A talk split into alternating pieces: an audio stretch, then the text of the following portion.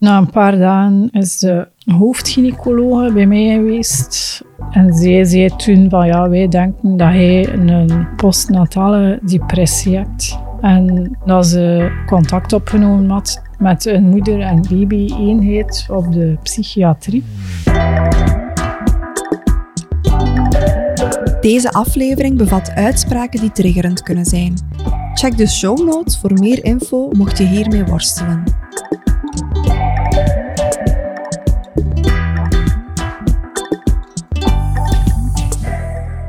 Hallo, dag Katrien.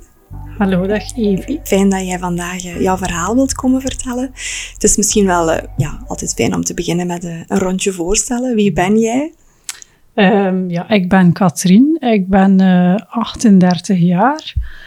Ik ben bijna 20 jaar samen met uh, mijn partner Dieter. En uh, we hebben een zoontje, Mas, die morgen vier wordt. Ja.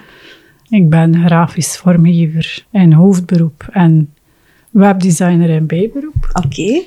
En mijn hobby's zijn naaien en muziek. Ja, een beetje creatief bezig ja. zijn in het algemeen. Ja. Duidelijk een creatieve bij. Ja, klopt. En vandaag zitten wij samen naar aanleiding van een blog die jij geschreven hebt over jouw geboorteervaring. Mm -hmm. uh, ja, vooral de geboorte en de periode daarna. Ja. Ik stel voor dat we beginnen bij het begin. Ja. Was het voor jullie als koppel een evident iets dat jullie kinderen of een kindje zouden krijgen? Uh, ja, voor mij was het altijd al een beetje een geklonken zaak dat we sowieso voor kindjes gingen. Nu, de weg ernaartoe was eigenlijk niet zo gemakkelijk. Ik heb eerst een miskraam gehad. Mm -hmm. En dan, ik denk, een half jaar of een jaar daarna heb ik nog een uh, buitenbaarmoederlijke zwangerschap gehad. Mm -hmm. Waarbij dat ze dan ook één eileider hebben weggenomen. Ja, operatief. Ja. Dan hebben we even gezegd van, ja, nu uh, gaan we er even mee stoppen, want... Ay, dat, dat komt wel aan. Twee van die ja. ervaringen kort op elkaar. Was dat iets dat je op dat moment kon delen met, uh, ja, ik veronderstel sowieso met jouw partner wel. Jij was op de hoogte, veronderstel ja, ja, ja, ja. Waren er mensen in jullie omgeving op de hoogte van het feit dat jullie ja, zwangerschapsverlies hadden gehad op dat moment? Uh, ja, mijn uh, moeder wist dat wel. Uh, ja, het was nog op de twaalf weken ongeveer. Mm -hmm. Maar ja, het waren er nog niet zoveel die het wisten. En bij de buitenbaarmoederlijke zwangerschap? Ja, uiteindelijk zijn er dan wel meer die dat geweten hebben, omdat je, ja, het is een, natuurlijk een operatie en mensen uh, stellen vragen. Mm Mhm. -hmm. van, uh, nu, dat zijn wel twee zaken dat ik op die moment vrij vlug ben overgegaan. In de zin van, um, ik ben daar niet voor bij een psycholoog geweest of zo. Um, ja, ik had ook, ook niet vragen. de indruk dat ik dat op die moment nodig had. En is het jou voorgesteld geweest? Of is er vanuit het ziekenhuis of van een vroedvrouw uit ooit ja, even extra aandacht geweest van hoe is dat voor jullie nu? Hoe gaat het echt met jullie? Um, het is daar eigenlijk niet echt aandacht voor geweest. Zeker niet bij dat miskraam. Had ik uh, het gevoel van, ja, dat is... Uh, ik, ik weet de cijfers niet, maar er zijn veel vrouwen Mhm. mm -hmm. die miskraam krijgen en dat was precies uh, ja, een routineonderzoek. Het is daar nooit uh, echt ja, diepgaand vraag naar geweest. Of, uh, nee. nee. En bij die buitenbaarmoederlijke zwangerschap, ja, je hebt dan een operatie gehad, ze hebben een eileider verwijderd. Kan je nog herinneren het moment dat de gynaecoloog, veronderstel ik, ja, jullie vertelde van kijk, het vruchtje zit niet in de baarmoeder, maar in de eileider. We moeten nu deze stappen zetten. Weet je nog wat er door je heen ging toen? Ik herinner mij dat nog vaag, maar dat was natuurlijk ja, een grote, ja, niet zo aangename verrassing natuurlijk. Ik heb daar wel van afgezien uiteindelijk. Niet zozeer van die operatie, want ja, dat, dat zou wel routine zijn en daar merkte in principe ook niks van.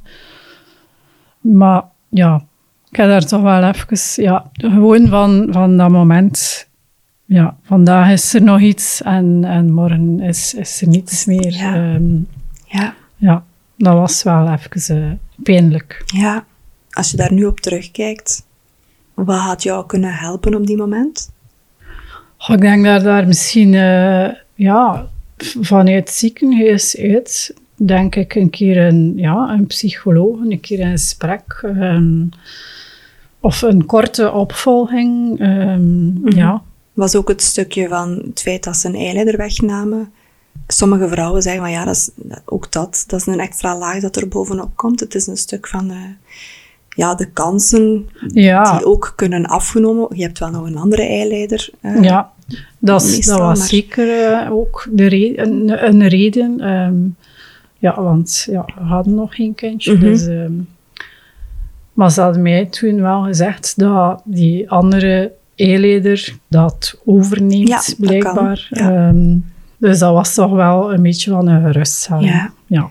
En het moment dat ze vaststelden dat de zwangerschap niet op de juiste plaats zat, dus in uw eileider zat, hebben ze ook andere opties voorgesteld? Of was het gewoon van, kijk, we moeten nu dit doen, deze operatie? Dat was het enige, de enige optie, omdat blijkbaar al in een vergevorderd stadium Ja. zat. ehm, dat er dan, ja, anders gingen problemen van eh, kunnen komen. Ze hadden ook gezegd dat ze dat vruchtje niet alleen konden wegnemen zonder die eileider, omdat dat een litteken zou maken in die eileider, waardoor dat de kans vrij groot was om dat opnieuw mee te maken. Dus klopt. vandaar. Ja. Ja. En inderdaad, vaak stellen ze een operatie voor, omwille van het risico, ja, wat als die eileider nu gaat, eh, Ja, gaat scheuren, kan grote bloedingen Ja. geven, met ernstige gevolgen natuurlijk. Maar in sommige situaties, ook afhankelijk van de termijn, wordt er soms ook medicatie gegeven. Dat kan soms. Daarom dat ik het vraag, is, is ah, jou dat voorgesteld Nee, nee, geweest of niet? Nee, oké. Je gaf daar juist ook al aan, ja, je hebt twee zwangerschappen verloren, Mhm. dat je daar toch even van bent moeten bekomen. Ja. Hebben jullie even de kinderwens on hold gezet dan, effectief? Ja, we zijn dan even eh, op reis geweest Mhm. om een keer van alles weg te zijn. Ja, letterlijk en figuurlijk. Ja, we zijn dan, ik, ik denk een, een half jaar of zo, eh, hebben we dat even losgelaten. Omdat we daar gewoon op dat moment niet meer mee geconfronteerd wilden worden. Ja. Van, ja, op den duur is het ook een beetje een, een verplicht nummertje, zou ik maar zeggen. Mhm. En eh, dat wilden we toch wel even vermijden Ja. op dat moment. Had je het gevoel wel dat je met, met jouw man, allee, kon jullie daar goed over praten, over die verlieservaringen, kon jullie elkaar daarin vinden? Of waren jullie elk jullie eigen rouwproces een beetje naast elkaar? Op een Eh, dat tempo? was die eerder een beetje naast elkaar. Ik denk omdat ja, een man weet niet wat dat je voelt. En Mhm. we hebben daar eigenlijk niet zo vaak over gesproken. Waardoor dat, dat bij mij ook een beetje ja, snel naar de achtergrond is gegaan eigenlijk. Ja, Ja, je neemt je job weer op. Ik weet nog van dat miskraam. Ik denk dat ik de zondagavond eh, in het ziekenhuis zat op eh, de spoedafdeling. En dus, dan stuurden ze mij naar huis om te wachten tot dat vruchtje kwam of niet. Maar het kwam wel. En eh, twee dagen erachter zitten we weer op je bureau. En eh, en gaat het leven verder alsof En- er niks ja, gebeurd is. Ja. ja. Dat horen we jammer genoeg nog veel te vaak. Ja. En voor sommige vrouwen is dat misschien de goede keuze om, om gewoon terug naar de orde van de dag te gaan. Maar het zou vooral een, een keuze moeten kunnen zijn. Hè? Als je tijd nodig Zo, hebt. ja, het zou een keuze moeten kunnen zijn. En nu had ik ook wel het gevoel dat dat wel oké was. Maar achteraf komt dat dan toch wel, denk is te ik, vroeg of laat Ja. komt, komt dat terug. Ja. En, ja. Ja.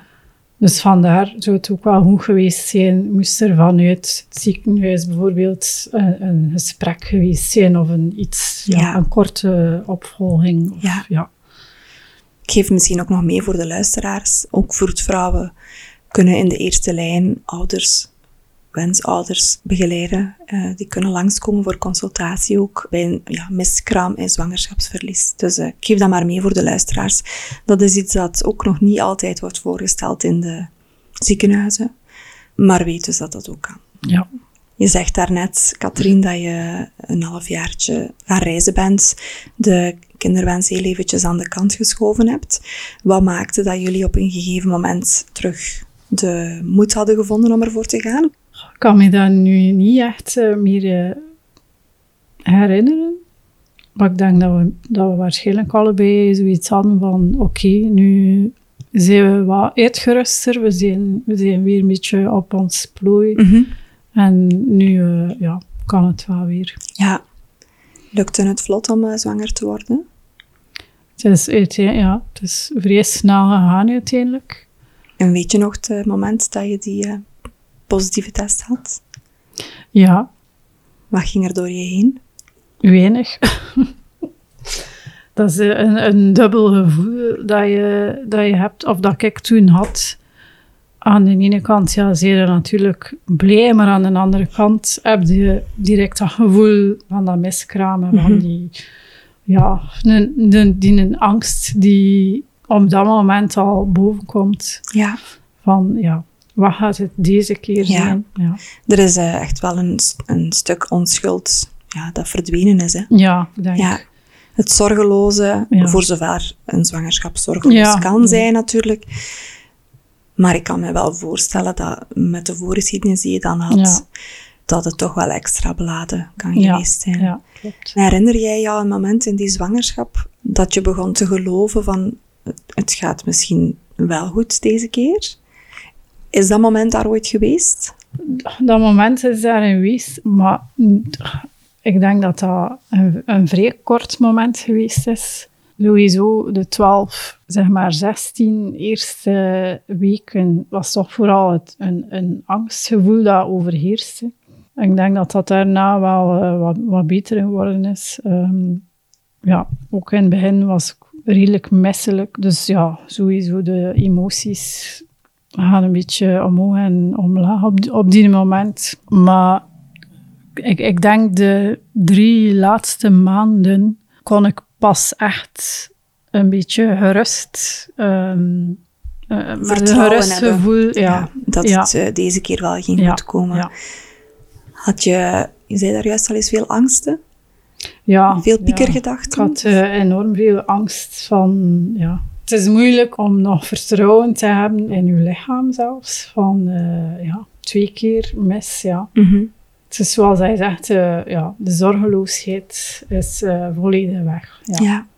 En is er verder in jouw zwangerschap aandacht voor geweest van de zorgverlener uit, van de vroedvrouw of van de gynaecoloog? Heb je eigenlijk een vroedvrouw gezien in de zwangerschap? Uiteindelijk ben ik wel nog bij een vroedvrouw gegaan. Ja. Ehm, op aanraden van, want wij, wij wisten dat eigenlijk zelfs niet, dat je apart van een gynaecoloog ook, ook nog een vroedvrouw kon onder de arm nemen. Mhm. Ehm, maar we zijn dan wel bij iemand beland die daar, allee, die ons daar wel de nodige aandacht aan gegeven heeft. Eh, ja. Zij heeft dan ook mijn voorgeschiedenis en zo. Ik heb dat dan ook verteld aan haar. ehm. en ja, ik, ik denk dat, dat dat ongeveer het moment was volgens mij, dat bij mij dat al wel een geruster gevoel had. Ja, dat het vertrouwen dat een zij, beetje ja. kwam. Ja, die Toen- laatste drie toen dat maanden. die vroedvrouw in het leven gekomen Ja. is, bij wijze van spreken. ja, Ja. oké. ja. En was het het plan dat die vroedvrouw jullie ging begeleiden bij de bevalling? Of het was enkel voor de opvolgingen thuis, voor en na de geboorte? Eh, het was eigenlijk enkel voor, eh, ja, voor de geboorte, voor de opvolging. ehm, Ja. ja. Maar niet voor begeleiding van de eh, Nee, bevalling zelf. Dat nee, was niet het plan, nee. Je ging gewoon in het ziekenhuis bevallen met het team van daar. Ja, Oké. ja. Maar in Ehm, het ziekenhuis waar dat ik ben bevallen, lieten ze geen eh, externe vroedvrouwen toe. Dus ja, ja. dat En is dat wel iets wat dat jullie hadden gewild op die moment? ja, eigenlijk wel. En dat was eigenlijk een beetje een teleurstelling toen dat wij hoorden dat dat niet kon. Ja. Maar ja, ik zat toen al redelijk ver in de zwangerschap. Ik had al een keer eh, onverwachts moeten veranderen van gynaecologe. Waardoor dat ik dan zoiets had van, ja, ik ga nu ook niet nog van, eh van ziekenhuis veranderen. En, Ja. ja. Dus hebben we dat dan daarbij gelaten. Ja, oké. Ik heb in jouw blog gelezen dat mas in stuit lag. Poepje naar beneden. Ja. Rond welke termijn hebben ze ja, jullie daar wat meer info over gegeven of, of voorgesteld van we kunnen een kering doen bijvoorbeeld? Ik denk dat ze dat de, de laatste anderhalve maand, dat dat toen eh, meer naar de voorgrond Mhm. kwam. Ik ben dan ook bij de vroedvrouw geweest, eh, Mhm. die dan ook speciale oefeningen en, en tips gaf.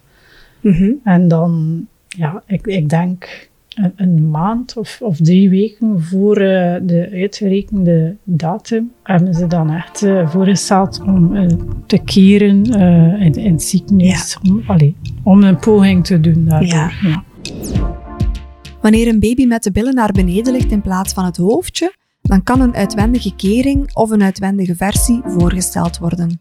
Deze kering wordt meestal uitgevoerd tussen de 36 en de 38 weken in de zwangerschap. De arts probeert met de handen op de buik de baby te draaien zodat hij met het hoofdje naar beneden komt te liggen. Deze ingreep wordt door sommige vrouwen als pijnlijk ervaren en is niet altijd succesvol. Heb je hierbij komende vragen over, dan adviseer ik jou om je te richten tot je zorgverlener. Maar die poging is eh, niet gelukt. Nee, die Nee. poging is mislukt. Ja. Ja. Hoe heb je dat ervaren, die uitwendige kering? Wil je daar iets over vertellen? Eh, ik zou dat niet meer doen, moest het ooit nog eh, nodig zijn. Ik zou, dat, ik zou dat niet meer overwegen zelfs. kan je dat- vertellen waarom? Goh, dat was om te beginnen ongelooflijk pijnlijk. En dat was ook een inspuiting dat ik nodig had, waar dan mijn partner niet achter stond. Eh, waardoor dat er ook daar wat woorden gevallen zijn. Het Eh, moment voor de kering effectief. ja, Ja. ja. En dat was de inspuiting voor de baarmoeder te doen ontspannen, veronderstel ik? Ja, ja. Ik, ik geloof dat dat was voor de baarmoeder te doen ontspannen, maar dat betekende ook dat je kon weeën beginnen krijgen of zoiets. Ja, Een van de ehm, ja, risico's, als je het zo kan noemen, bij een uitwendige kering is inderdaad ja, dat die baarmoeder, doordat je die toch wel best stevig ja, manipuleert Mhm. langs de buitenkant, dat die daarop reageert. ja, Dat is ook de reden dat ze een uitwendige kering altijd doen, echt wel naar het einde van de zwangerschap Ja. toe en niet op 35 weken. Hè. Dat Ja. wordt meestal rond Nee. 7, 38 Ja. weken ongeveer gedaan, omdat je kindje dan wel geacht wordt. eh, ja, Stel dat de bevalling toch zou moeten ingezet worden, of, of vanzelf begint, dat die baby ook wel Ja, eh, ja. Een, een gezonde start, een grote kans op een gezonde start kan hebben. ja. Dat was eigenlijk de reden waarom dat mijn, mijn vriend dat niet, niet zo zag zitten, die inspuiting. Ehm, en ja, nog, nog los van die pijnlijke kering, want dat was echt veel pijnlijker dan, dan dat ik verwacht had. Mhm. Ja, lag ik daar tussen de gynaecoloog en mijn vriend die woorden hadden. Ja. En ja, voor mij was dat echt... eh, Had jij het gevoel dat jij nog als patiënt gezien werd? Ja, nee. Ze waren zodanig bezig met mijn, eh, mijn vriend, met die, die woordenwisseling. Op een gegeven moment heb ik dan ook gezegd tegen hen alle twee van, ja, stop er alsjeblieft mee, want Mhm. Je, je ligt al, je zit sowieso al in een, eh, een positie Dat, je, dat, je, dat niet fijn is. Ja, nee, ik had er geen goede ervaring Nee. mee met, met heel die poging. Nee. En aangezien dat de, ja, de externe versie, zoals wij het noemen, de kering, ja, niet gelukt was, Mhm. hebben ze dan beslist van het wordt sowieso een keizersnede? Was daar overleg mogelijk? Wat was jullie eigen wens? Ze hebben dan, eh, ja, ze hebben toen al gezegd van we, we gaan een, een datum vastleggen voor de keizersnede. Ik denk dat die, dra- die keerpoging, ik denk dat dat op iets van de 36 weken was. Dus ik, ik ging nog werken tot 37 weken. En ik geloof dat ja, in diezelfde week dat wij nog een afspraak hadden om dan een datum vast te leggen voor die keizersnede. Ja. ja. Oké. Hoe stond je daar tegenover? Dat was eh, een beetje dubbel. ehm, maar het was vooral voor ons, ja, het is misschien eh, wel wat raar om te zeggen, maar die, die een afspraak dat wij hadden om die keizersnede vast te leggen, dus 17 juli hadden zij ehm, voorgesteld. En mijn vriend en ik hebben alle twee iets met de 13e. En wij hadden toen gevraagd of dat, dat mogelijk was, Mhm. en 13 juli. Maar ja, daar was totaal geen... eh, ja, dat was echt van 17 juli. En Te nemen of te laten? ja. En toen? En toen, ehm, ja, Je was je laatste week aan het werk. heb ik de laatste week gewerkt. En toen, Wat waren jouw plannen nog om te doen? mijn plannen eh, waren om nog twee weken op mijn mak te zijn. Nog een beetje slaap in te halen. Mhm. Niet in te halen, maar nog een beetje, ja, een beetje te rusten. Ja. En eh, ik moest ook nog mijn eigen koffer maken. Ehm, dus dat waren de plannen. Maar ja, dat is wel eventjes anders verlopen. Want? Want ehm, dus ik ben gestopt met werken de vrijdag, de 28 juni. Ja. En Mas is s'nachts uh, de 29 juni geboren. Ja. Dus er is geen moment van uh, dus er is geen eh, vertragen nee, geweest? Nee. nee. Hoe heeft de, de bevalling zich aangekondigd? Ja, ik, ik ben wakker geworden rond, denk 12 uur s'nachts in een plas. Een plas water of een plas bloed? Een plas water, Oké. ja. En eh, ik had het eigenlijk zelf nog niet zo direct eh, door. Het was eigenlijk wel wat raar. maar ik zei tegen mijn vriend, ja, ik denk, ik denk dat mijn water gebroken is. Dus, ja. Mhm. En toen zijn we ja, naar het ziekenhuis gereden en we zijn aangekomen, ik denk rond één uur s'nachts. Mhm. En blijkbaar had ik al vier of vijf centimeter opening. En eh, ja, ze ging mij direct klaarmaken om naar het operatiekwartier te gaan. Ja. Had je ook effectief al contracties gevoeld? Nee, Nee, dat had ik niet. Dus dan naar het operatiekwartier hebben ze mij... eh genoemd dat nu weer? Een blaaszonde? Nee, Nee. Een infuus? epiduraal. Ah, epiduraal. Ah, ja. ja. De volgende stap. Ja. Dus dan hebben ze mij die epiduraal. Wat Ja. dat- ik, ik had geen weeën op dat moment, dus dat was ook een vrij pijnlijk moment. Ik denk niet dat ik dat ooit ga vergeten. Ja. ja, en ik denk twintig minuten later eh, ja, had, had ik mijn zoon vast. Oké. Ja. Had jij het gevoel, allee, of hadden jullie het gevoel als je het ziekenhuis binnenkwam en ze stelden dan vast dat je al 4, 5 centimeter Mhm. ontsluiting had, dat er paniek was of zo, dat het allemaal ineens heel rap moest gaan? Of, Eh, nee, ik had niet de indruk dat er paniek was. maar het moest, het moest wel allemaal vooruit gaan. Ja. Maar ze hebben al sinds niet die indruk van... eh, Rap, rap, ja, rap. Nee, Nee. nee. hebben ze jullie goed uitleg kunnen geven van wat dat er ging gebeuren? Ja, ja, Ja, dat, eh, dat hebben ze dan wel goed gedaan. Ja, dat is wel fijn om te Ja. horen. En jouw partner mocht ook bij jou zijn tijdens eh, de geboorte dan van jullie zoon? ja, ja, Ja, hij was erbij. Ja, Dus Mas werd geboren in het midden van de nacht. ja, Ja. Rapper als verwacht. ook. ja, ja. Weet je nog het eerste wat dat er in jou omging, op het moment dat hij daar was? ja het, het eerste wat hij in omgaat is van, amai, dat ging ineens snel. En toen, ik denk dat ik zeker ehm, tien keer al zijn vingers en zijn tenen heb geteld, Oké. toen dat hij bij mij lag. Want ehm, dat was een draagdoeksoort dat ze mij aangedaan hadden, voor eh, dat ze mij klaargemaakt hadden. Ja. Een soort buidel eigenlijk. Ja, om hem in te eh, kunnen leggen. Ja, dat, dat direct achter de Ja. geboorte kon Mas wel bij mij liggen. fijn. Dus ja, dat was wel nog een, een mooi moment. Ja. En zijn jullie kunnen samen blijven de hele tijd? Of bij jouw partner een recovery moeten? Nee, nee, we zijn heel de tijd samen Ja, gebleven. Super. Ja, Jullie zijn dan, veronderstel ik, een aantal uurtjes later naar de kamer gegaan, naar de materniteit. ja, Bij het eh, ontwaken van de dag waarschijnlijk, bijna. ja, ja, klopt. Lijkt mij best wel bijzonder. Ja, zeker bijzonder. Het was toen ook, ik denk dat we toen in een hittegolf zaten. dus dat was ook eh, enorm warm op Ja. die kamer. Dus ja, sowieso van slapen kwam er daar niet veel in huis. Nee. Maar dat was wel ja, een leuk moment hè, als je Ja. dan nu zo'n eh, Ja. bij u hebt. Er wordt vaak gesproken over het moment dat een kindje geboren is en ja, dat je die op je borst hebt. Dat je onmiddellijk die alles overheersende, verpletterende verliefdheid voelt. Dat wordt vaak zo benoemd, maar we weten dat dat zeker vaker eigenlijk niet zo is en dat dat iets is dat moet groeien. Ja. Hoe was dat voor jou? Eh, bij mij was dat... allee, ik had wel direct een goed gevoel.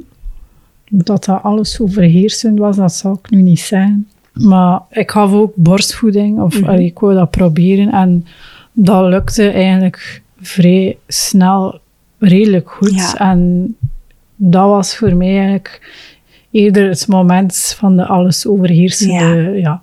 Oké. liefde. En hoe was die eerste dag eh, op de materniteit dan? Met jullie kerstverse zoon? Ik kan me daar eigenlijk ook niet meer zoveel van herinneren. Dat, dat verloopt zo'n beetje in een waas. Er zijn wel wat vrienden langs geweest, alleszins. Het was pre-corona, hè? Ja, het was pre-corona, ja.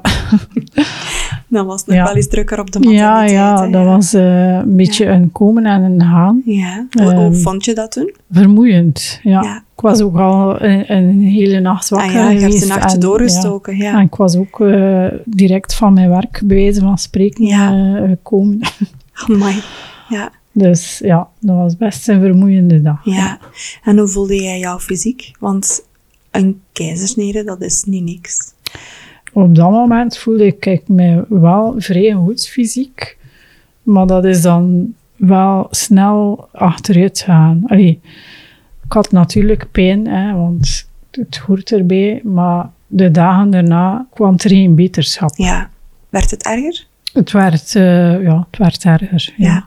Kon je dit... eh allee, ik veronderstel dat je dat hebt uitgesproken tegen de vroedvrouwen en de gynaecologen die langskwamen. Ik heb dat zeker uitgesproken. Mas lag in een uh. Ja. En ik gaf eh, hem dus borstvoeding en ik kreeg hem bijna niet uit zijn ehm, bed. Dus ja, dat, dat staat gewoon naast uw bed. Dus Mhm. ja, voor mij was dat iets dat eigenlijk niet klopte. Ik had dat toen ook gezegd. Maar de reactie daarop was dat dat een keizersnede was. Dat dat erbij hoorde. Dat dat erbij hoort, ja. ja.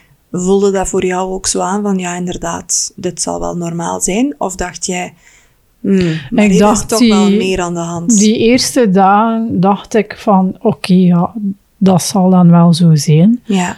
Je Maar- hebt natuurlijk geen referentiekader, Nee, hè? nee. Moeilijk, hè? Ja. Ja. Maar ze zeiden mij dan ook, de tweede dag moet je kunnen douchen. Mhm. Eh, maar dat kon ik niet.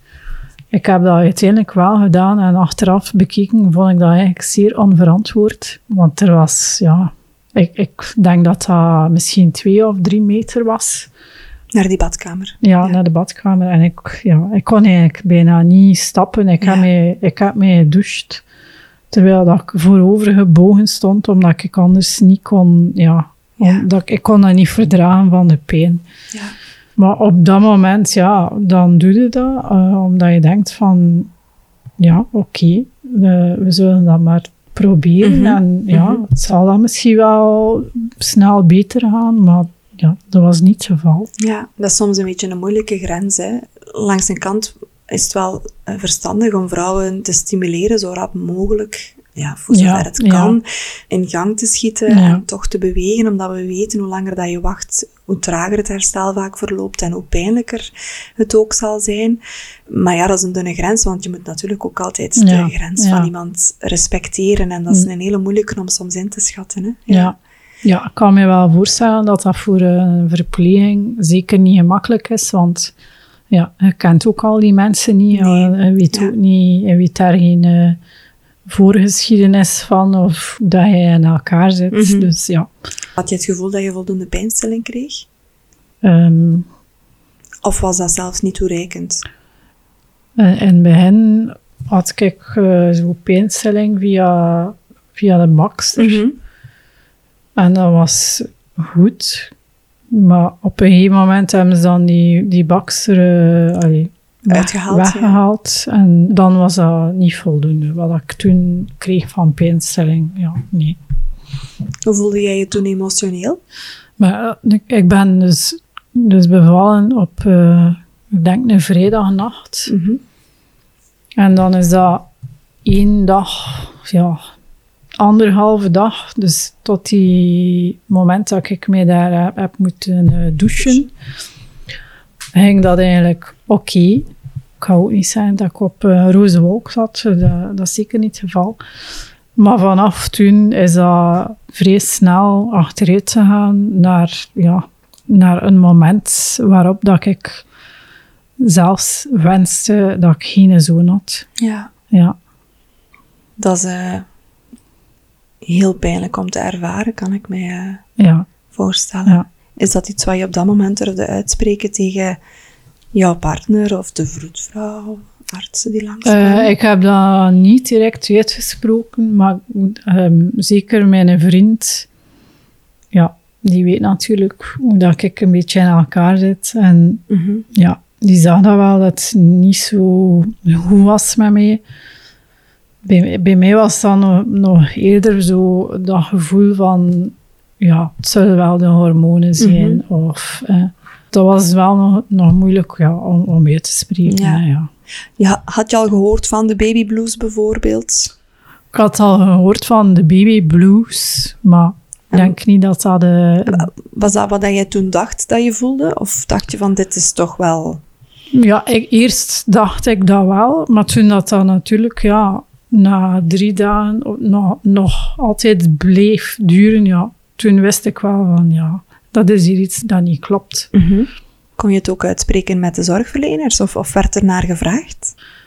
Ehm, er, werd, ja, er werd gevraagd eh, om een, een score te geven van de pijn, maar er werd niet echt een diepgaand gesprek of zo. Dat heb ik op de materniteit niet gehad. Nee. Nee, Dus over de beleving, hoe dat jij je voelde, nee, werd niet nee, echt... eh, weinig. ja.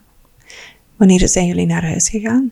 Eh, ik denk dat dat zes dagen is na een keizersnee. En ja, ik, ik ben daar die zes dagen gebleven.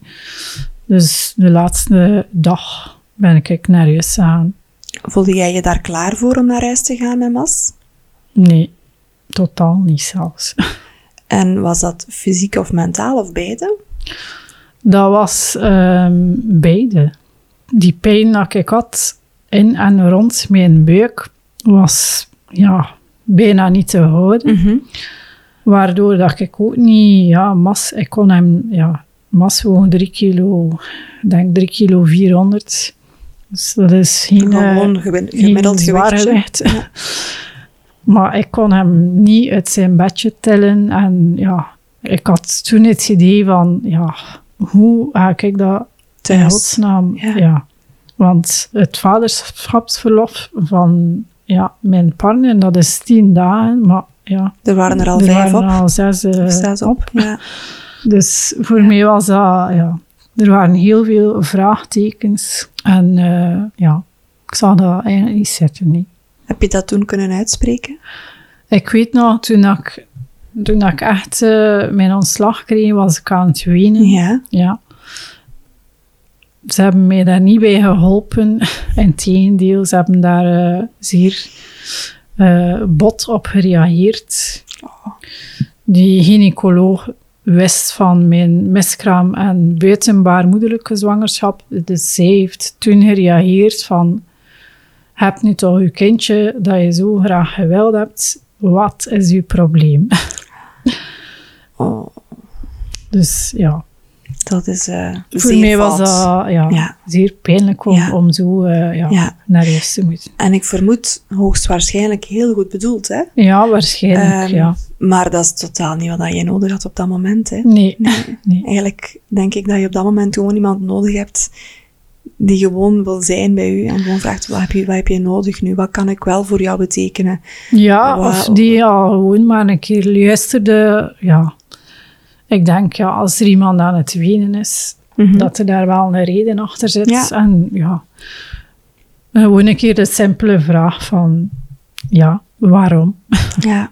Maar je bent dus naar huis gegaan, toch? Ik ben naar huis gegaan, ja. Ja, Jullie hadden die zelfstandige vroedvrouw die jullie ging opvolgen ja, dan? ja, ja. Hadden jullie ook kraamhulp voorzien of iets anders van netwerk eh, voorzien? Eh, er was kraamhulp voorzien ehm, ja, en dan de consultaties van eh, de vroedvrouw. Ja. Ja.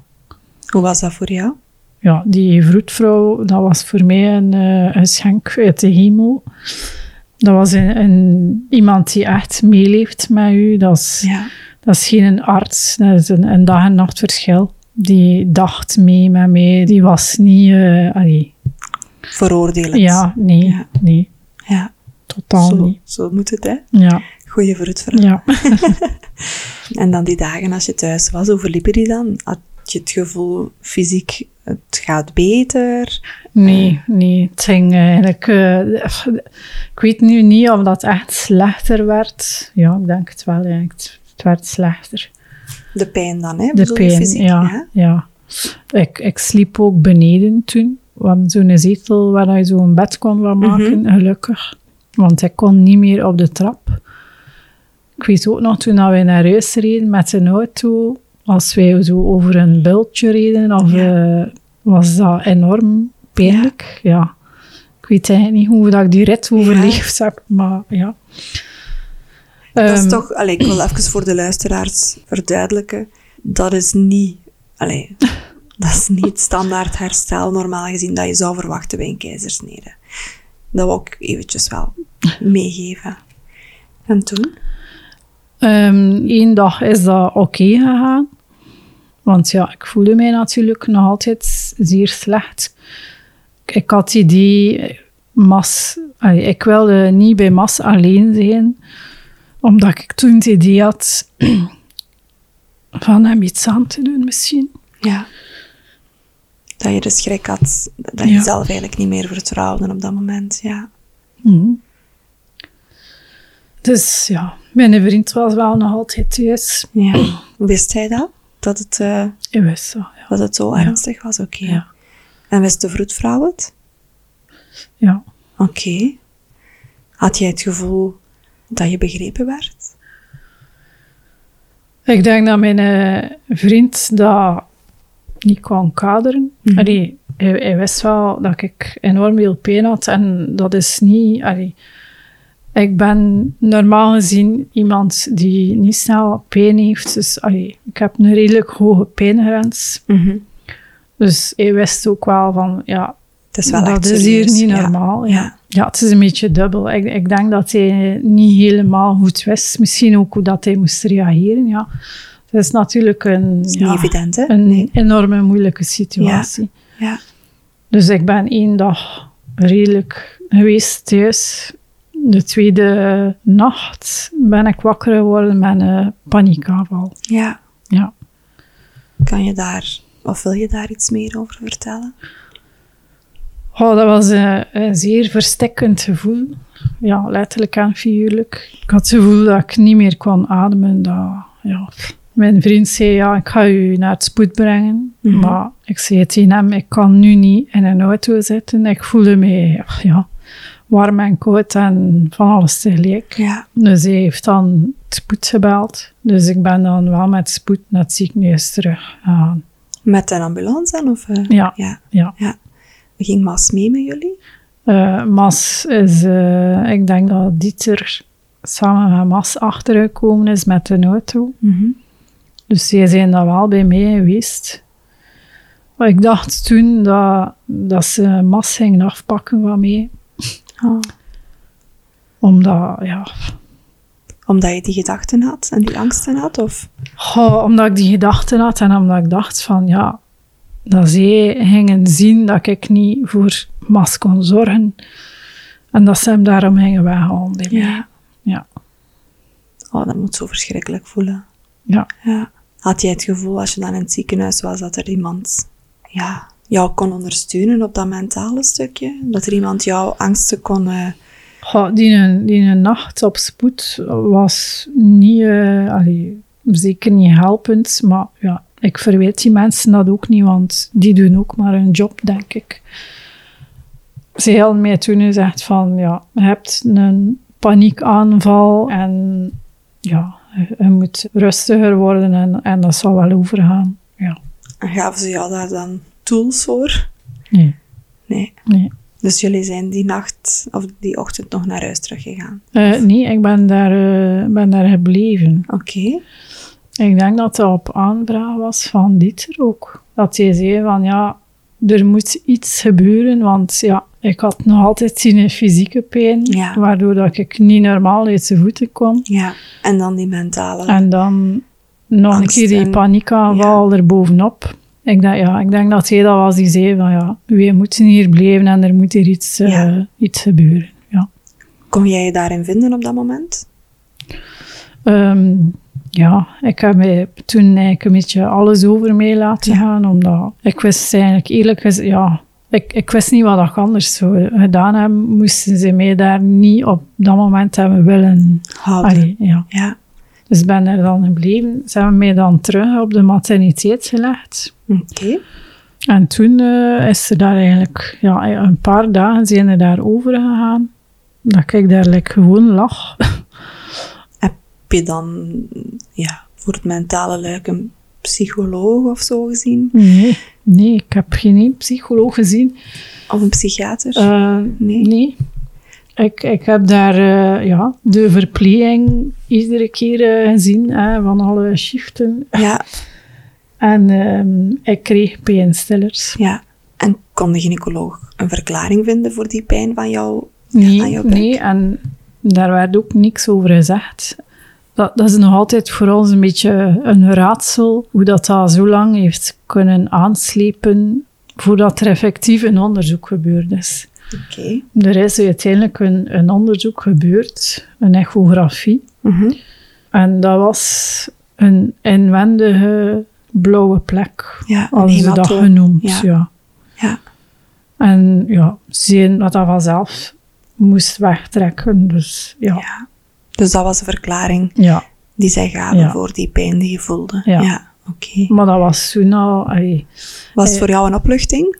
Om te horen van, oké, er is inderdaad een, een verklaring nu gevonden van waarom. ja, Ik dat, zoveel pijn ja, heb? dat was zeker een opluchting, omdat de dagen ervoor had ik zo'n beetje het gevoel dat zij dat precies niet geloofde. Ja. Of niet, ja. Niet serieus namen. Ja. ja. Je hebt dan een paar dagen terug op de materniteit gelegen met Mas Eh, ja, met Mas en ehm, Dieter. en met Dieter. Oké. Want ik, ja, ik wilde nog altijd niet alleen zijn Ja. met Mas. Als eh Dieter s'nachts niet bij mij was, dan pakte de verpleging Mas mee. In de bureau. En ja. ja, ja. Was dat iets waar dat jij, allee, wat dat jou mentaal een zekere rust gaf? Of vond je dat op dat moment net... dat gaf mij rust, want allee, ik heb dat zelf, ja, ik heb dat zelf zo aangegeven dat ik dat niet kon. Ja, Maar ja, uiteraard is dat ook, dat is dubbel, hè? ja. Ja. En was jij op dat moment nog aan het borstvoeden? Want jij was begonnen met borstvoeding. Was jij toen ook nog aan het Ik borstvoeden? was dat, eh, ja, dat was ik ook nog aan het doen. Oké, en wat, hoe voelde dat voor jou? Was dat helpend? Dat was helpend, Ja. ja. Waren dat momenten van verbinding Ja. je wel voelde? Ja.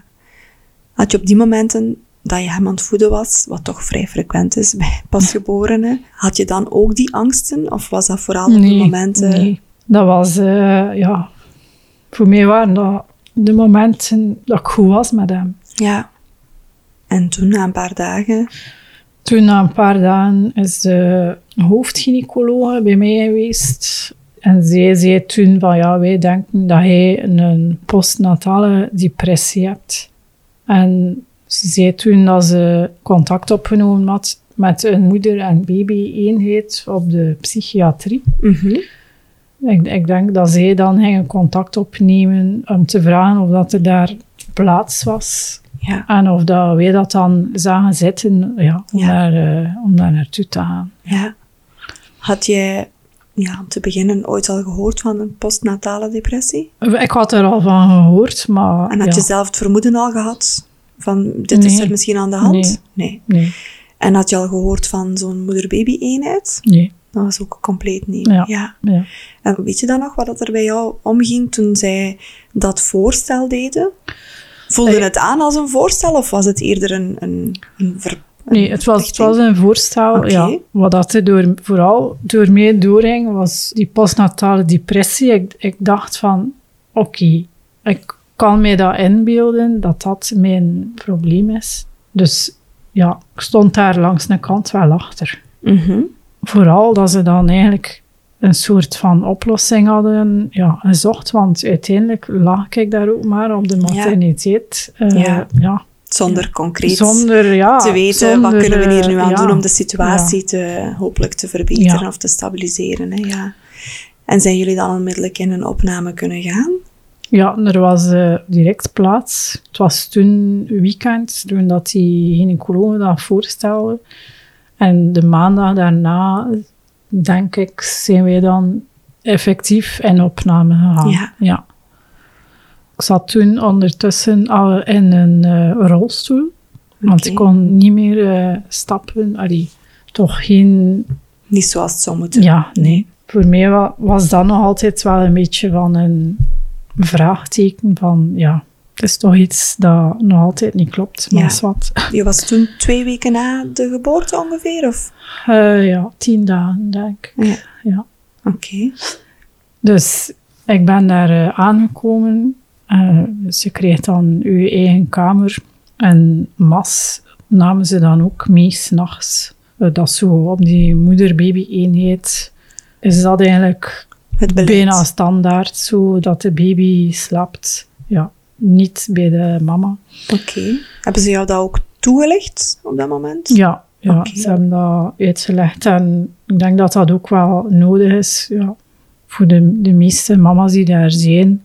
Dat was voor mij ook het geval. Ja. Dus dat is de bedoeling dat jij als mama een beetje ja, tot rust kunt komen. En Ja. als je baby s'nachts om, om het uur of om twee uur eh, wakker wordt, ja, dan, dan heb je uiteraard ook geen rust. Dus ehm, ja. En hoe werd dat dan gecombineerd met de borstvoeding? Ondertussen was mijn borstvoeding gestopt. Allee, het was niet gestopt. Maar ze hadden mij, eh, door, doordat ze zeiden van, we gaan u opnemen in, de, in die moeder- en baby-eenheid, maar je zult wel moeten medicatie nemen. En dat is niet eh, verenigbaar met borstvoeding. Dus ja, het is best dat je daarmee stopt. Ja. Dat was toen wel geen... ik had niet de indruk dat dat een keuze was Ja. toen. Dus dat was een beetje een abrupt Dat het jou werd opgelegd einde, eigenlijk, ja. einde Ja. van de borstvoeding. Ja. Ehm, ja. Maar ik dacht toen van, oké, ja, als mij dat beter gaan maken, ja, Ja. Dan, dan doe ik dat. Ja. Het klopt dat bepaalde medicatie niet compatibel is met borstvoeding. Gelukkig tonen intussen veel onderzoeken aan dat medicatie heel vaak wel op een veilige manier kan gecombineerd worden met de borstvoeding. Heb je hier vragen over? Richt je dan tot jouw zorgverlener. Dus dan ben je eigenlijk Dus- van dag op dag bijna gestopt met hem aan te leggen. Ja, Ja. ja. Heb je fysiek last gehad daarvan, aan, aan de borsten? nee, Nee. Oké. gelukkig. Gelukkig dan al, ja. Als je op de moeder-baby-eenheid was, Mas mocht wel overdag gewoon bij jou zijn dag? Mas mocht overdag bij mij zijn. Eh, ik mocht dat eigenlijk een beetje kiezen. Mhm. Eh, als ik dacht van ja, nu heb ik even eh, ja, een beetje tijd nodig, dan waren er begeleiders waar dat je ja, kon aanvragen van Om het even over te nemen. Ja, oké. Ja. En wat hielden die dagen daarin op de opname?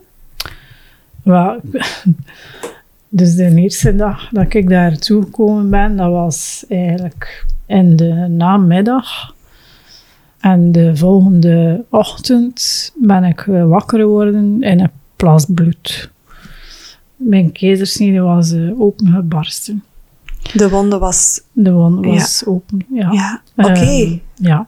en toen? Eh, dus ze hebben mij dan met zijn ambulance naar eh, een Ziekenhuis, een ziekenhuis gebracht. Ja. Ja. Ze hebben mij dan direct onderzocht. En toen bleek dat ik mezelf eh, aan het verheftigen was. Ik zat met een inwendige bloeding van om en bij de 13 centimeter, zei, Ja. zei die gynaecoloog. Dus. Ja. En ik moest, eh, ja, ik moest direct geopereerd worden. Ja. Wow. Het was jouw naad die terug Ja. open was gegaan, of was het vaginaal dat je die grote bloeding eh, had? Het was die nat die, Ja, eh, ja, ja. die terug open was. Ja. ja. En dan hebben ze jou onder algemene verdoving gebracht, veronderstel ik, voor te opereren. Ja, dus dan hebben ze mij die dag zelf nog Ja. ja. Geopereerd. Ik heb toen na de operatie heb ik nog twee zakjes bloed gekregen en een zakje ijzer. Mhm. De gynaecoloog zei van, ja, je mocht spreken van een geluk bij een ongeluk. Als die naad niet opengebarsten was, dan had ik het vandaag waarschijnlijk niet kunnen navertellen. Ja. ja. Was er inwendig eh, ja, een absces gekomen met die Ehm, wonden? Of er hebben was- ze daar ooit ja. een verklaring kunnen Ze hebben dat niet echt... eh allee, ik weet, ze hebben mij dat nooit echt duidelijk gezegd of zo, maar dat was wel bloed die ehm, geïnfecteerd was door een of andere bacterie of zo. Ja. Ehm, ja. Ja. Maar de oorzaak ja, daarvan, ja, soms moeilijk Ja, nee. exact achterhalen.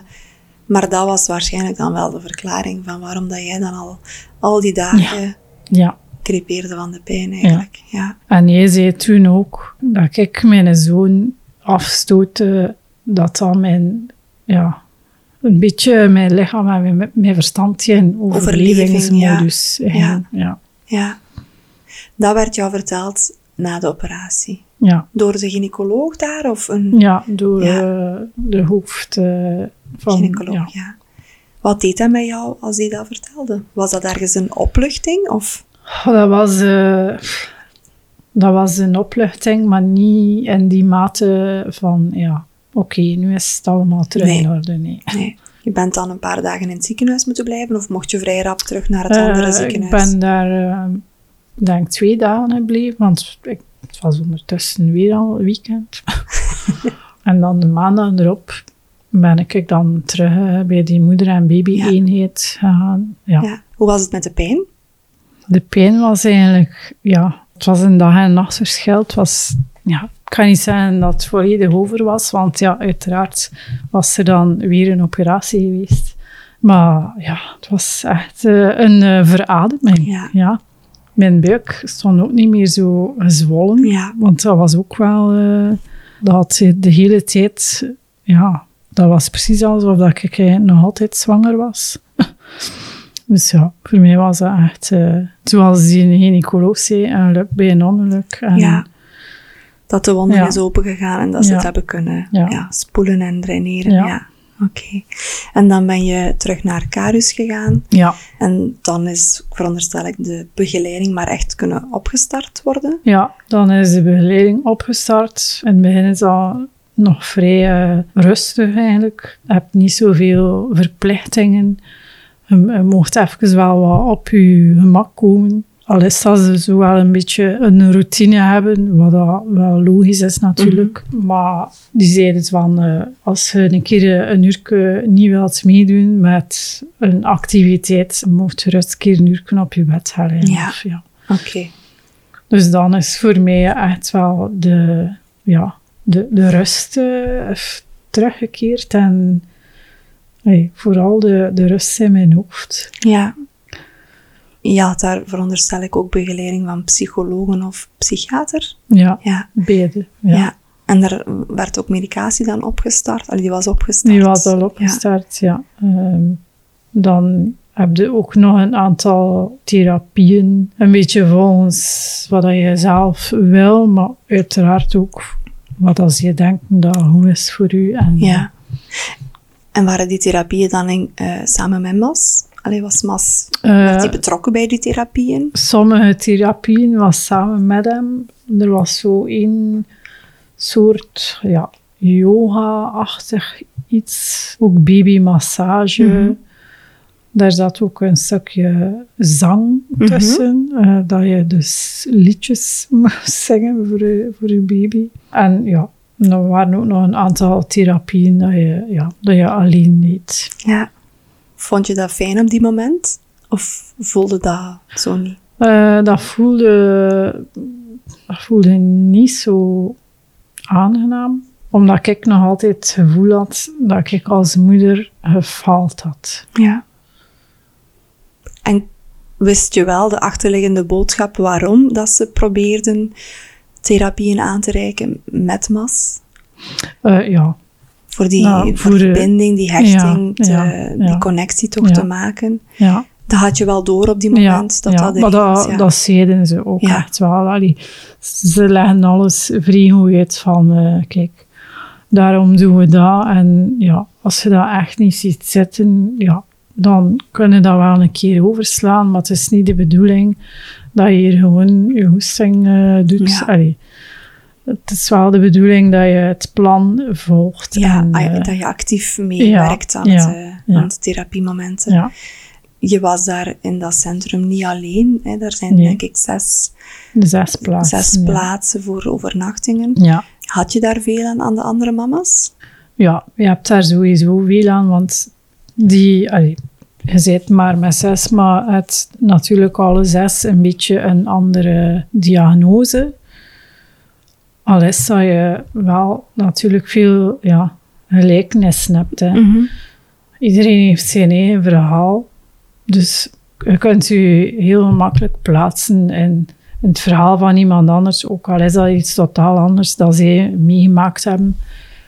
Ja, het is sowieso een band. ehm, ja, Ja, waar dat je, ja, het er toch wel veel, aan. Veel ja. steun aan, ja.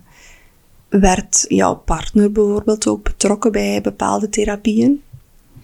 In het begin niet, maar ik denk dat hij wel een keer of twee bij een therapie geweest is. Maar over het algemeen eigenlijk niet. En konden jullie elkaar overdag wel zien daar in het centrum? Mocht hij altijd langskomen of hoe ging dat concreet in zijn werk? Hij mocht overdag altijd langskomen, maar dan op bepaalde uren. Ja, als ik dan bijvoorbeeld bepaalde therapieën had, ja, dan moest ik wel gaan en dan, dan moest hij gewoon alleen op mijn kamer blijven. Ja. Maar we hadden ook bepaalde uren dat er eh, geen therapie was, bijvoorbeeld. En dan konden we wel samen iets, eh, ja, iets, iets doen, is veel gezegd. Maar er had ook wel natuurlijk een ruimte buiten om te wandelen. Ja, Waar je ook wel een keer echt een Even een frisse Eh, neus halen, ja. ja. ja. En had je op het moment dat je daar in opname was, ja, had je het gevoel dat je die connectie met jouw partner, dat je die wel kon behouden? Ik had wel dat gevoel, maar ik, ik dacht dat dat voor hem... Ik zat vooral met hem in. Omdat, ja, je, je wordt papa en uw vrouw en uw kind worden eigenlijk ja, weggenomen hè, Ja. van u. En hij blijft thuis alleen achter. Dus ik denk dat dat ook ongelooflijk zwaar is. Ja. En dan die, die uurtjes, ja, ondertussen was zij ook alweer terug aan het werk. Oh, Ehm, want ja, dat vaderschapsverlof dat was er al dat, door eh, natuurlijk. Ja, Ja, dat was rap Oh. gepasseerd. En ehm, ja, dan, dan moet je u nog tussen uw werken en dan de moeder- en, en baby-eenheid. Ja, moet er nog een beetje een balans tussen vinden. Ja. Ehm, ja. Is dat iets wat je ook, ehm, je zegt, voelde mij wel wat schuldig naar hem toe. Konden jullie daar op dat moment ook met elkaar over praten? Nee, ik had dat toen niet, eh, niet, niet zo, ja. Ik had dat toen niet zo open kunnen zeggen, omdat dat is nu ook iets dat ik nu wel vertel, maar dat ik op dat moment, het was wel duidelijk, zat er wel mee in, maar achteraf gezien is, is alles natuurlijk nog veel duidelijker. Maar toen op dat moment, eh, ja, heb ik dat er niet over gehad, alleszins. En kon jouw partner op dat moment aangeven, eh, of, of kon hij begeleiding krijgen? Ja, werd hij gezien daar op, op die moeder-baby-eenheid? Eh, als hij daar nood aan had, dan kon hij dat wel vragen zelf. Wat dat uiteindelijk goed is, maar eigenlijk zou dat ook moeten van hun uitkomen. Dat dat standaard Dat is in de ja. therapie, dat die partner mee eh, betrokken wordt, ja. Hoe lang ben je in totaal ehm, opgenomen geweest met, met MAS? Ehm, ik ben 1 augustus ben ik daar ontslagen. Dus ja, ik heb daar eigenlijk een kleine twee maanden Ja, heb ik daar eh, verbleven. ja. En was dat van dag op dag klaar, nu mogen we naar huis? Of, of wordt dat opgebouwd met, is een dagje naar huis gaan? Dat wordt opgebouwd met ehm, een keer eh, de woensdag namiddag een uitstap dat je kon doen. En dan de weekends naar huis. Mhm. Eh, en zo, ja, zo wordt dat echt wel opgebouwd. Ja. Herinner je je ook het moment dat de angstige gedachten die je had ten aanzien van Mas en, en ja, jouw eigen moederrol, herinner jij je een moment dat die gedachten Ik moet zeggen, vanaf de dag dat ik geopereerd ben, zijn die gedachten eigenlijk al meer gaan liggen. Oké, Ja, maar dan was voor mij nog vooral een stuk mijn rust nemen dat zeer nodig was, want ja, ik was eigenlijk ja, op. En uiteraard mentaal. Het is niet omdat die gedachten gaan liggen dat je ineens weer eh, volledig op een roze eh, wolk zit, ja. Nee, nee, nee. Je weet ergens wel je, je kent de verklaring, je, je weet waar dat door gekomen is. Mhm. Maar de ene dag kunnen daar uiteraard beter mee omgaan dan een andere dag. En ja, Absoluut. Ja. ja. Je bent dan eind augustus naar huis gegaan. Eens dat je thuis was met Mas, was er wel nog contact met Karus? Met Ja, de ja. Om, Ja. de, ja, om de zoveel tijd had ik nog een afspraak eh, bij de psychiater daar. Ja, Voor eh, bepaalde personen die daar verbleven, is er ook nog een aan-huis eh, outreach team. Ja. ja. Maar dat ze bij mij nu niet gedaan. Maar die overgang is eigenlijk nog redelijk vlot verlopen. Ja. Dus je werd nadien eigenlijk nog goed begeleid, ook door dezelfde Ja, psychiater Ja, dan. ja. Ja. ja, Ondertussen, dat is vier jaar geleden nu. ja. Hoe zijn de afgelopen vier jaren verder verlopen voor jou? Ehm, de eerste twee jaar zijn nog eh, redelijk zwaar geweest op mentaal vlak. Met eh, een reeks aan klachten. Nu, het was zo, dus eh, ik ben gestart met medicatie in het ziekenhuis, dus in de materniteit nog Ja. eigenlijk. Ik denk de winter na mijn opname, allee, tegen dat lente is, zijn we dat beginnen uitbouwen. Nu, uiteindelijk bleek dat, bleek dat te vroeg. Ehm, dan ben ik even nog eh, ja, een soort van eh, hervallen in paniek Mhm. aanvallen. Waardoor dat we dan uiteindelijk terug die medicatie opgestart zijn. Ik heb dan nog eigenlijk een lange weg gehad om een aantal ja, van die vage klachten eigenlijk, om daar de oorzaak van te kennen. Ehm, dat bleek ook allemaal gelinkt te zijn, wat ik in eerste instantie niet eh door had. Ik ben denk ik na twee jaar ongeveer ben ik pas opgestart bij een psycholoog Mhm. Om dat toch ja, nog een beetje ja, verder te verwerken. Ja. En, eh, ja. En is die opstart bij die psycholoog na twee jaar, is dat iets wat dat wel daarvoor al was voorgesteld door huisarts bijvoorbeeld, of de psychiater?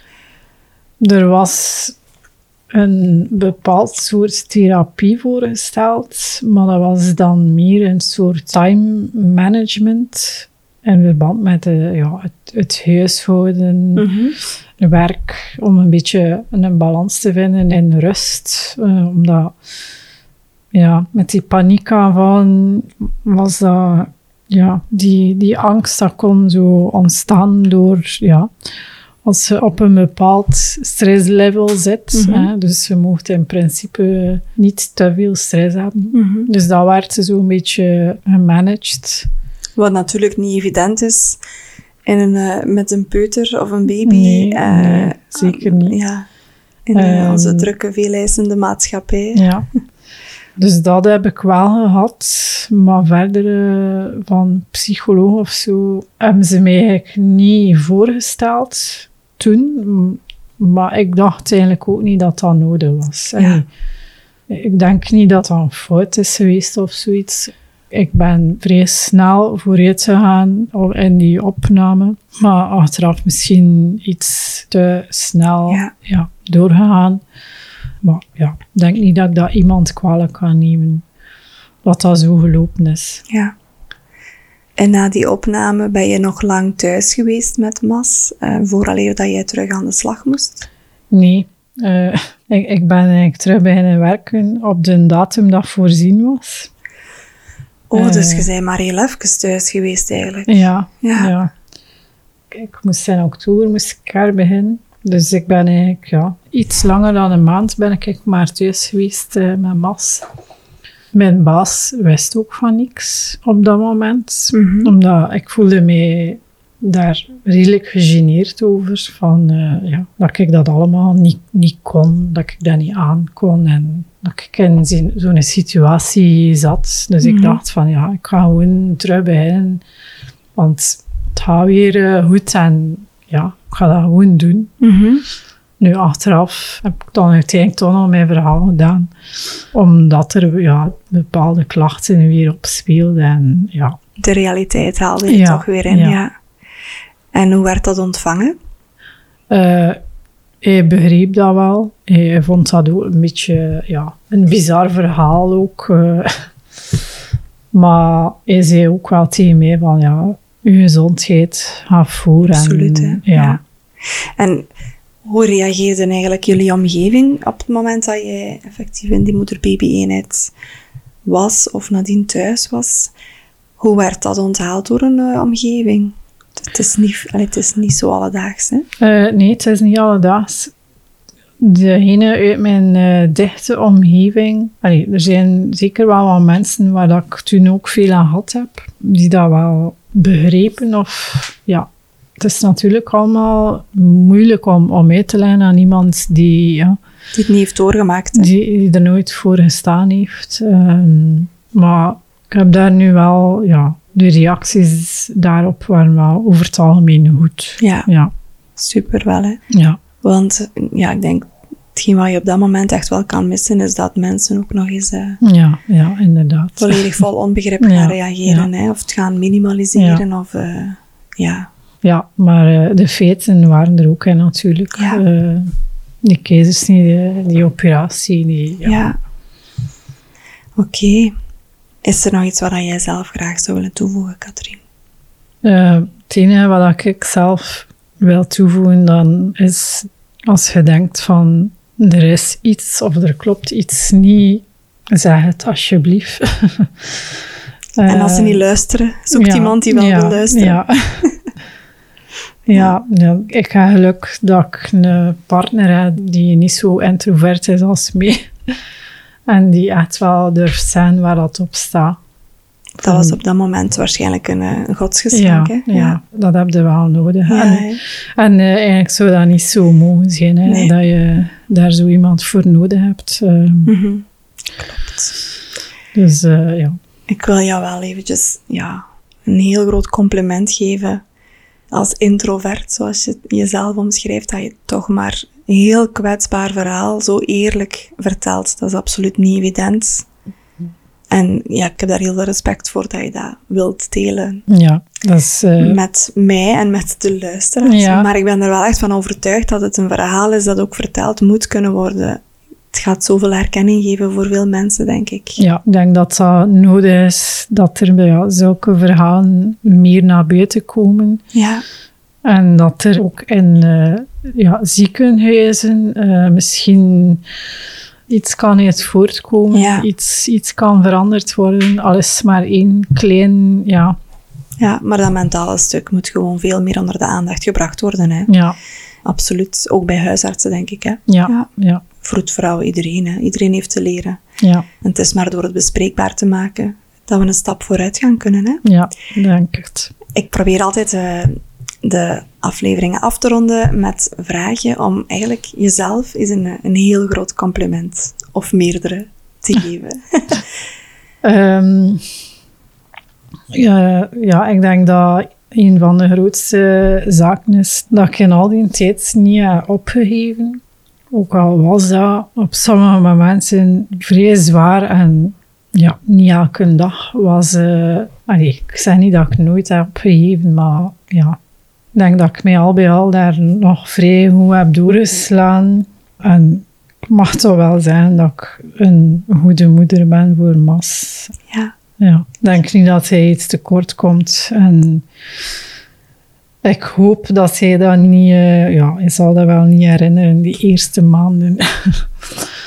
maar dat heeft mij ook wel gemaakt tot, ja, tot wie dat ik nu ben. tot de mama Dus, die je nu eh, bent. Ja, Ja. ja, dat is mooi. ja, Ik heb hem daar net gezien. Het ziet er een zeer tevreden manneken uit. ja, En eh, het is eh, heel mooi om de liefde ervan af te zien stralen van uw gezicht als je over hem praat. Dus Ja. ja, op dat vlak kan ik zeker niet klagen. ja. Ik denk in alle ellende toen was, was hij eigenlijk... Hij was de gemakkelijkste baby. Ik denk na twee weken sliep hij zes uur aan een stuk door. het is alsof hij het voelde. Het was de, de yin en de yang. Ja, mooi. Heel hard bedankt om uw verhaal te delen, Katrien. Dit was het verhaal van Katrien. In het nagesprek dat ik samen met haar partner Dieter had, gaf hij aan dat deze emotionele periode ook voor hem heel moeilijk was. Langs deze weg wil hij zijn dankbaarheid nog eens uiten naar de moeder-baby-eenheid bij Carus en het fantastische en broodnodige werk dat ze daar leveren. In de volgende aflevering ga ik in gesprek met Klaas Bouters. Hij is de coördinator van de moeder-baby-eenheid bij Carus. In die aflevering gaan we dieper in op hun werking. Ik besef dat sommige uitspraken in deze aflevering triggerend konden zijn.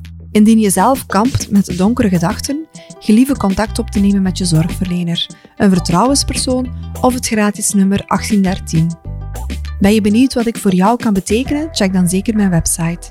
Je kan de podcast helpen groeien door je te abonneren, een review te plaatsen en de podcast te delen. Bedankt om te luisteren.